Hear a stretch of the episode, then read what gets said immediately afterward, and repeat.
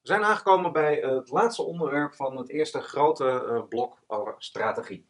Uh, dus uh, na de toelichting op wat het eigenlijk is en de uitdieping van organisatie, position, positionering en omgeving, zijn we dan nu bij dat vraagstuk van ja, hoe maak je nou eigenlijk strategie? Dus hoe, hoe komt het tot je? Komt het van de goden of moet je er iets voor doen? Nou, uiteraard moet je er iets voor doen en daarvoor heb je allerlei verschillende opties. Vijf namelijk in totaal.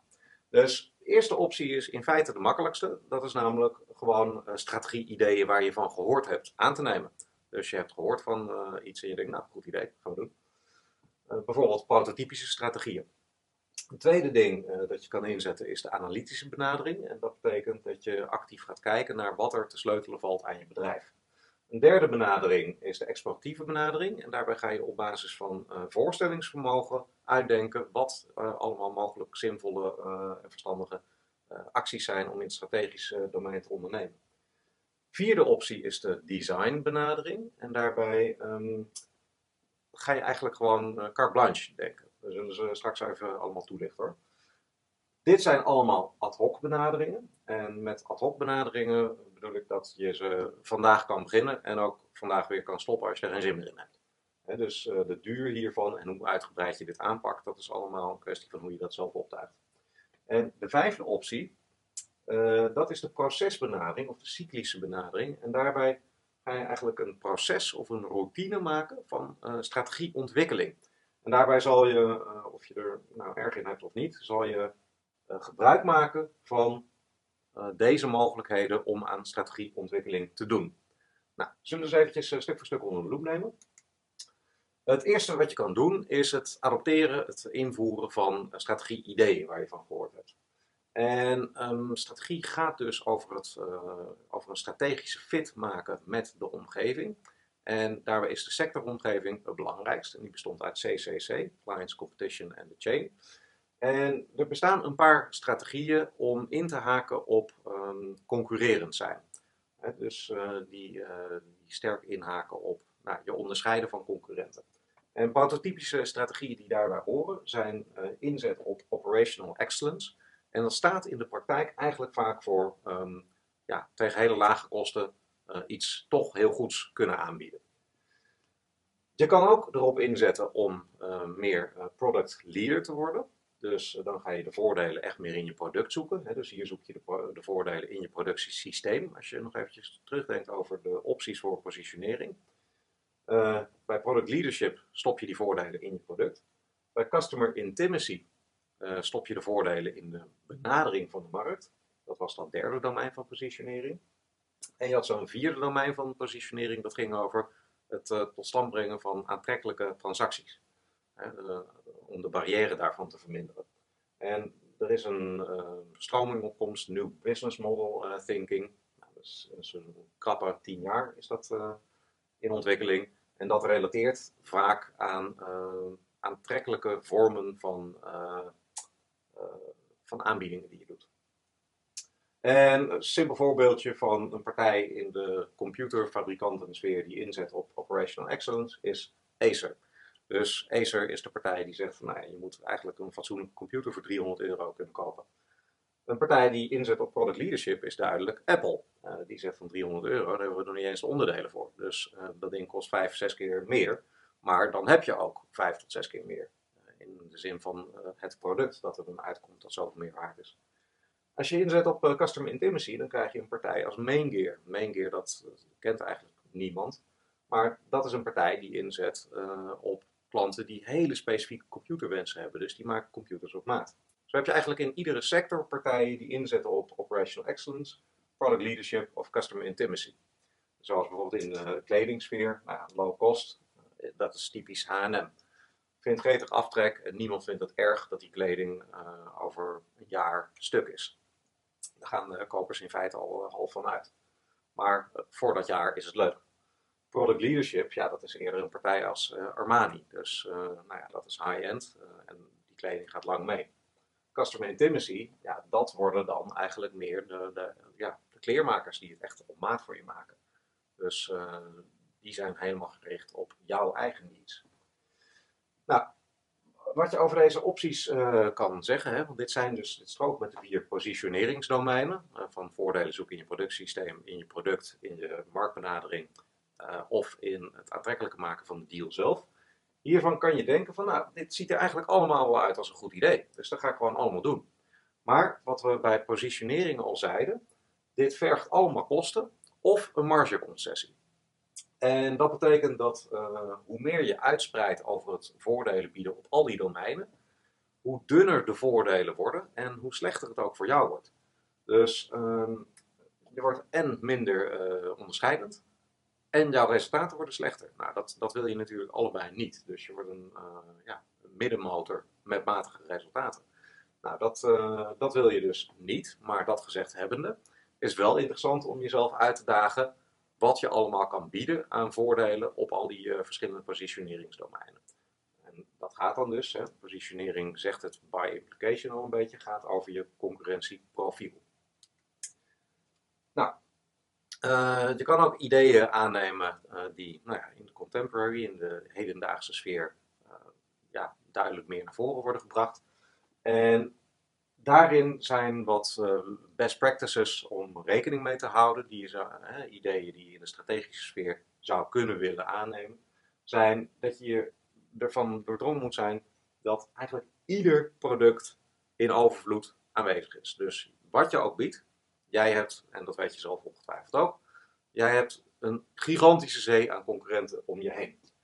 Nou, erger dan dat, worden de meeste dingen tegenwoordig ook nog eens eh, als uh, ja, eigenlijk gemiddeld of saai of niet echt nodig uh, gezien. En mensen zijn een beetje immuun geworden voor partijen die van de daken schreeuwen dat zij de beste zijn. dus dat is ook een feit om rekening mee te houden. Dus wat je, moet eigenlijk, wat je eigenlijk moet doen is behalve voortbouwen op die positioneringsdomeinen, is aangeven waar jouw onderscheidendheid in zit en waar jouw waarde in zit.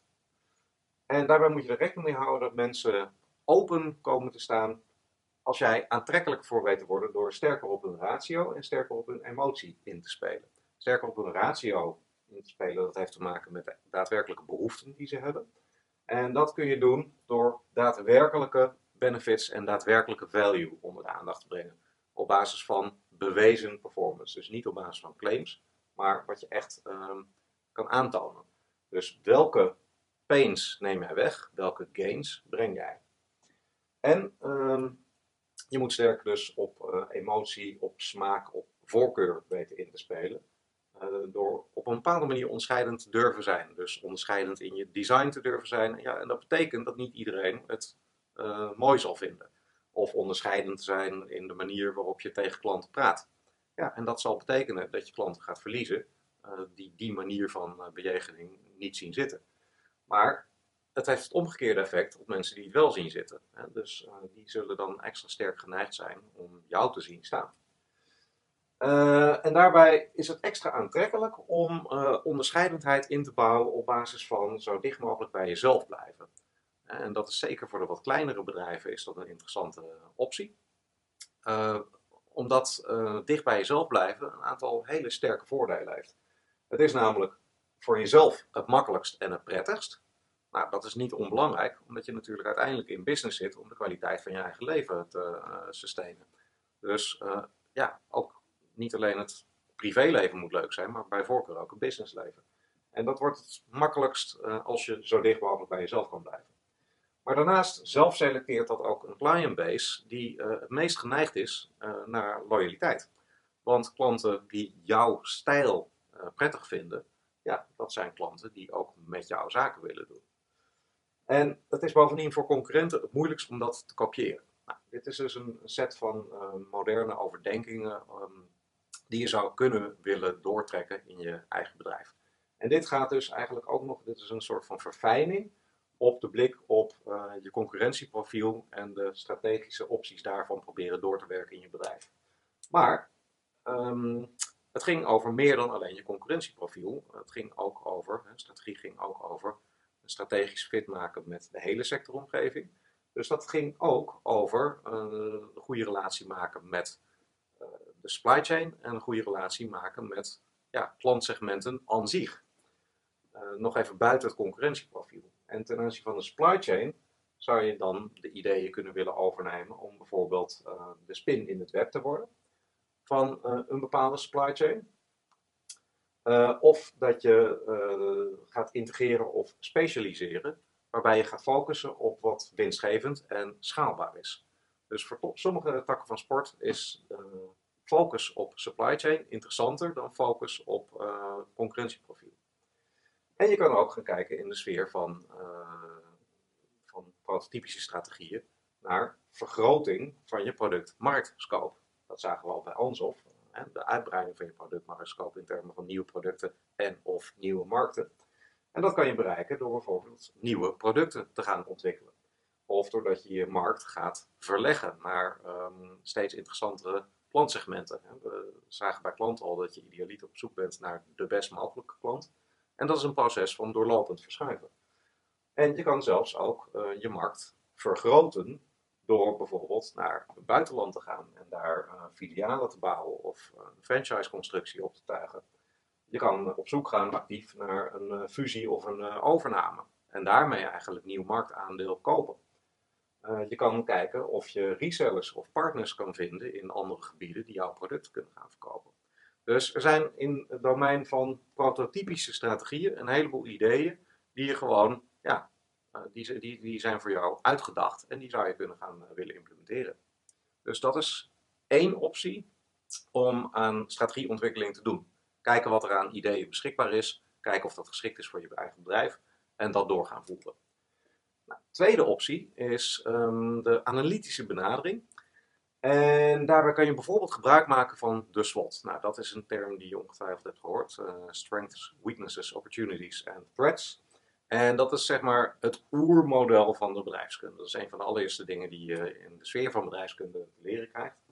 En die wordt gerepresenteerd, SWOT, in de vorm van vier cellen. Met daaromheen expliciet of impliciet, soms staat erbij, soms niet, twee extra assen. Intern, extern en upsides en downsides. En intern gaat het dan om de sterkte en de zwakte. Extern zijn er de kansen en de bedreigingen. De leuke dingen van het leven zijn jouw eigen sterkte en de kansen in de omgeving. De minder leuke dingen eh, van het leven zijn jouw eigen zwakte en bedreigingen vanuit de omgeving. Nou, dit, ehm, dit model heeft een aantal stevige nadelen, waardoor het in de praktijk niet veel wordt gebruikt. En de nadelen zijn dat je met deze vier cellen eigenlijk geen enkele richtingaanwijzing hebt van wat je nou moet beoordelen. Dus ja, je weet dat je in een bepaald vakje sterkten uh, moet gaan invullen. Maar ja, dan, zit je met jezelf van ja, hmm, dan moet je een strength van je eigen bedrijf gaan benoemen. En je weet eigenlijk niet zo goed waar je aan moet denken. En uh, het volgende nadeel is dat je eigenlijk, als je al iets op papier hebt, dat je niet zo goed weet wat je er dan mee moet. Ja, staat er een strength op papier. En een derde nadeel is dat um, dit grid uitnodigt tot vrij oppervlakkige beoordeling. Ja, wat, wat is genoeg invulling? Is het goed als je drie sterkten hebt benoemd? Is het dan genoeg? Moet je proberen tot vier of tot vijf te komen? Uh, dus op die manier heeft het allerlei wat ingebakken nadelen, die vooral komen door de representatie van het grid aan zich. Maar nou is het redelijk gemakkelijk om door het iets anders te representeren, toch tot een nuttig instrument te maken. En daar zijn we eigenlijk stiekem de hele tijd mee bezig geweest. Want uh, wat je zou kunnen zeggen is, je had de leukere dingen van het leven en je had de minder leuke dingen van het leven. En de leuke dingen van het leven, dat zijn gebieden om op voor te bouwen, om te versterken, om hefboomwerking in te zoeken. En de minder leuke gebieden in het leven, dat waren gebieden om dingen op te lossen, om aandacht aan te besteden, om te verbeteren. En we hadden hier het onderscheid binnen-buiten. Dat gaat dus over je organisatie en over de omgeving. Nou, uh, dat hebben we ook in heldere termen uiteengerafeld. Dus hier hebben we de termen van, de, van je eigen organisatie, hè, je output, throughput en input, portfolioactiviteiten en assets. Datzelfde zagen we op het gebied van de omgeving, clients, competition en de chain, sectoromgeving. Dan hadden we nog positionering, hè, die vier domeinen uh, van voordelen zoeken waar sterkte en zwakte in kunnen zitten. En we hadden de macro-omgeving, die we op die manier konden bekijken, hè, waar bepaalde kansen en misschien bedreigingen in zaten. Dus nu met dit uh, verschoven grid heb je een, een, een, de voorinvulling van waar je naar kan kijken, heb je veel meer aanknopingspunten om te bekijken wat de sterkere en de zwakkere uh, kanten van al deze elementen zijn. Want dat hebben we uitgebreid bekeken met de portfolioanalyse. Daar rolden allerlei sterkere en zwakkere uh, aspecten uit, uit de portfolio. Hetzelfde geldt voor je activiteitssysteem, et cetera, et cetera. dus uh, er zijn sterkere en zwakkere plekken in jouw concurrentieprofiel. En door het op deze manier te representeren, kan je dat veel helderder uitspellen. En zie je dus ook dat het probleem van oppervlakkige invulling en eigenlijk niet goed weten wat je uh, moet invullen, in één klap overkomen wordt. Nou, dan heb je nog die laatste stap van, oké, wat moeten we dan daarmee? En daarvoor pak je er een kolom achter, namelijk de kolom voor opties voor strategische actie. En als je hier sterkte hebt ingevuld, dan kan je bijvoorbeeld een actie bedenken om daarop door te pakken. Hè, daarop voor te borduren, misschien een hefboomwerking in te zoeken. Als je hier een zwakte in je activiteitssysteem hebt uh, gedetecteerd, nou, we hebben gezien dat allerlei opties waren om met zwakte in je activiteitssysteem om te gaan. Dus dan kan je hier opschrijven uh, wat je eraan gaat doen. Uh, dus je kan je voorstellen dat je binnen no time, als je deze oefening serieus neemt, hier een enorme waslijst hebt aan strategische acties waar je de komende periode mee aan de slag kan om je strategisch succes te vergroten. En dat is ook eigenlijk precies de essentie, hè, zoals we helemaal aan het begin van deze module zeiden, van wat strategie is. Het gaat niet om een Grandmaster Plan, het gaat om heel concreet sleutelen aan allerlei elementen van je business om je strategisch succes te vergroten. Dus dit is een optie om aan strategie te ontwikkeling doen in de analytische sfeer. Een derde optie om aan uh, strategieontwikkeling uh, te doen, naast dus de eerste optie van het adopteren van ideeën die al voorhanden zijn in de literatuur, en de exploratieve benadering, zoals bijvoorbeeld een uitgewerkte, goed uitgewerkte slot, is de exploratieve benadering. En de exploratieve benadering verschilt in die zin van de analytische benadering, zoals de SWOT, dat de analytische benadering zegt van we weten x, y, z, dus dat is echt inside-out denken, dus we gaan dit en dat doen. Uh, en exploratieve benadering zegt andersom van we weten x, y, z juist niet, maar we gaan bedenken hoe dat kan uh, verlopen en hoe we daarop zouden kunnen reageren. Dus de exploratieve benadering die veel geassocieerd wordt met scenario denken en met wargames. Die denkt na over, um, ja, die gaat uit van onzekerheid. Denkt na wat er binnen dat domein van onzekerheid kan gebeuren. Dat staat hier iets specifieker uitgeschreven. Nou, dat wil ik even voor thuisstudie laten. Maar ik zal het uitleggen hoe dat werkt aan de hand van de grafische weergave hiervan. Um, je moet focussen op een specifieke uh, bedreiging of een specifieke ontwikkeling die je ziet. En laten we hier als voorbeeld nemen dat um, op een gegeven moment Procter Gamble Brown overnam. En Brown dat, uh, was een uh, hele grote concurrent van Philips Shaving. En Philips Shaving was een heel, is een heel winstgevend onderdeel binnen Philips. Dus voor Philips is het feit dat Procter Gamble Brown overneemt, is een hele vervelende ontwikkeling waarvan ze niet helemaal weten wat ermee gaat gebeuren. Nou, dan kan je op basis van exploratief uh, ja, achterhalen wat er mogelijk zou kunnen zijn, kun je gaan bedenken hoe je daarmee omgaat. En eerste stap die je dan moet nemen in een proces, een proces bestaat eigenlijk net als bij de epistelanalyse weer uit vier stappen. Namelijk eh, welke domeinen doen ertoe, wat kan er gebeuren op die domeinen, waar raakt dat ons en wat kunnen we gaan doen. Dus eigenlijk precies die vier stappen van het uh, epistelproces. Nou, dan uh, kun je als bedrijfsanalist kun je gaan verdiepen in wat Procter Gamble belangrijk vindt. Nou, dan kan je achterhalen, bijvoorbeeld via jaarverslagen, via interviews, via alles wat je maar ja, op tafel kan krijgen, dat zij innovatie, branding, marktaanwezigheid, dat soort dingen, dat ze dat strategisch heel belangrijk vinden. Dan kan je gaan bedenken wat hun opties zijn met dat merk Brown. Dus wat kunnen zij in het domein van innovatie met Brown willen gaan doen? Dan kan je gaan bedenken als Philips, uh, oké, waar raakt dat ons in onze tak van sport? En hoe gaat zich dat verhouden tot uh, de manier waarop wij in de markt staan en ons concurrentieprofiel? En dan kan je gaan bedenken, oké, als dat waarheid wordt, wat kunnen wij dan gaan doen? Nou, dat is een uh, oefening die veel aandacht en veel voorbereidingswerk uh, vergt. Omdat je je ontzettend realistisch moet verdiepen in wat er gaande is. Dus uh, de opties van wat zij kunnen gaan doen, die moeten zo reëel mogelijk en zo breed mogelijk zijn uitgedacht. Waar jou dat dan raakt, dat moet je ook goed doorredeneren. En wat je dan kan doen, ja, dat is een, uh, dat is een zaak van ja, analytische creativiteit, zou je het kunnen noemen. En als je dat op uh, al die verschillende domeinen hebt gedaan, dan heb je hier dus eigenlijk ook weer een hele lijst met mogelijke acties die je kan gaan inzetten als dit zou gaan gebeuren. Maar wat gebeurt er nou als je uh, al die moeite hebt gedaan om tot een lijst te komen met mogelijk interessante acties? Dan, um, dan hoef je op een gegeven moment misschien niet meer te wachten op uh, het waar worden van uh, deze aannames over wat er zou kunnen gebeuren. Oftewel, anders gezegd, als je een hele waslijst met mogelijk verstandige acties hebt uitgedacht, dan zitten daar vrijwel gegarandeerd een paar acties tussen waar je voor de oefening nog niet aan had gedacht, maar waarvan je ineens uh, kan zien, omdat ze nu uh, heel systematisch zijn uitgedacht op papier, dat dat niet in reactieve zin, maar juist in proactieve zin hele interessante opties zijn om in gang te zetten. Dus uh, het proces is: focus je op een domein, bedenk wat er kan gebeuren, bedenk waar je dat aan raakt en bedenk wat je dan kan gaan doen. Uh, en na de stap van het uitdenken over een reactieve move, kan je gaan bedenken dat gaan we proactief doen, ongeacht van of dit ooit gaat gebeuren of niet.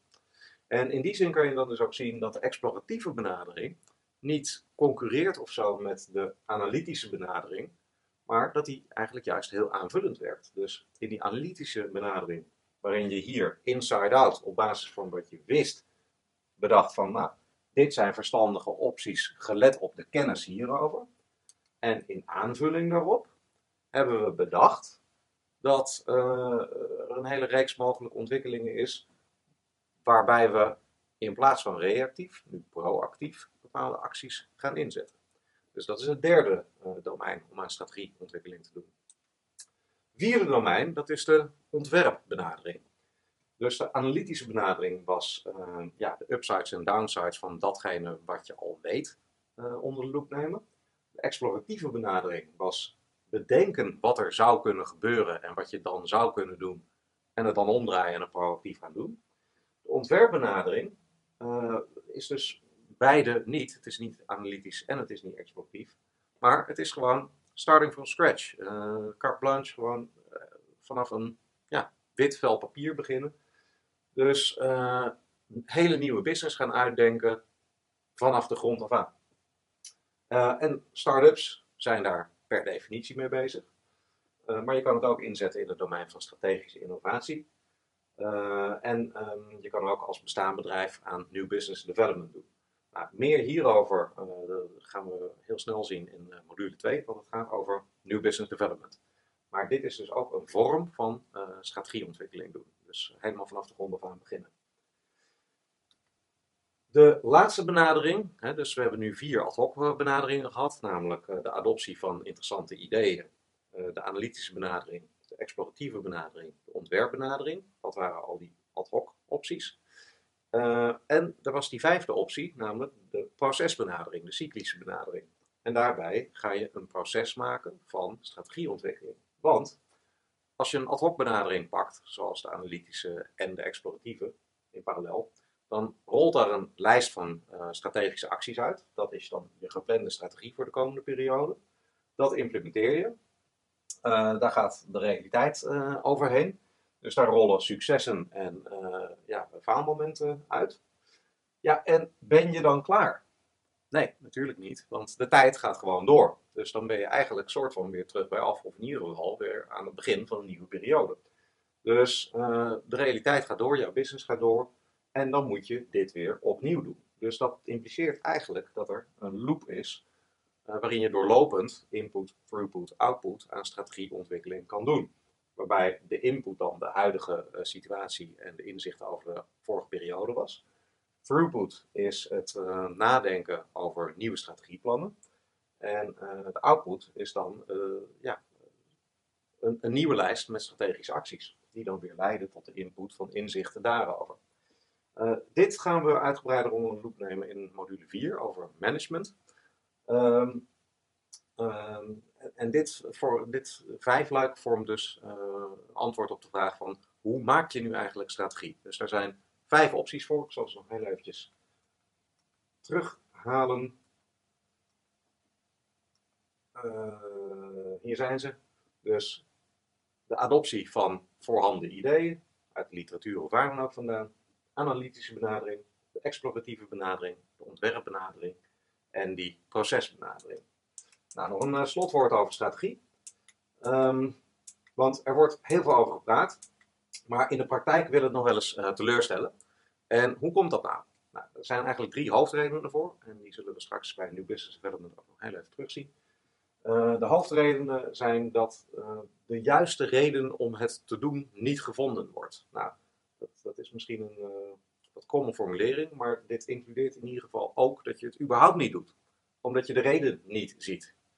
Maar het gaat ook over dat je niet de juiste reden ziet. Dus dat je ja, gewoon maar een vrij willekeurig ding gaat doen, zonder dat je er misschien al te goed over hebt nagedacht. Dus dit gaat over het überhaupt niet doen of iets te willekeurigs doen. Een andere belangrijke reden is dat er bijvoorbeeld slecht huiswerk uh, wordt uitgevoerd. Dus je hebt bijvoorbeeld bedacht dat je, uh, je hebt iets begrepen over de Ansoff-matrix en dat het een optie is om een marktontwikkeling te doen met uh, producten die het op dit moment goed doen. Dus je hebt bedacht dat het een goed idee is om jouw goed presterende product in Nederland ook in Duitsland te gaan verkopen. En dan ga je alles in het werk stellen om uh, dat naar Duitsland te krijgen. Maar je hebt bijvoorbeeld uh, geen huiswerk gedaan over de ontvankelijkheid van de Duitse markt voor dat product. Dus dan heb je allerlei eh, geld geïnvesteerd om het daar te verkopen. Om er daarachter te komen dat de Duitse markt niet open staat voor dat type product. Dat is een voorbeeld van slecht huiswerk.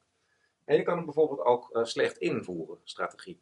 En dat betekent dat je wel aan strategieontwikkeling doet in de vorm van allerlei plannen maken. Uh, maar dat de vloer er bijvoorbeeld geen weet van heeft. Dus dat je het niet materialiseert tot het niveau van echt concrete actie. En dat zie je ook uh, vaker dan je denkt gebeuren in bedrijven. Dat er wel een hele hoop nou, over strategie wordt gepraat en dat mensen er in de top wel mee bezig lijken te zijn. Maar de vloer weet er even niks vanaf. Ja, dan ben je dus slecht aan het invoeren. Dus dat zijn uh, drie hoofdredenen van uh, waarom strategie in de praktijk nog wel eens kan teleurstellen. Nou, dan zijn we nu eindelijk aangekomen bij uh, het einde van deze module.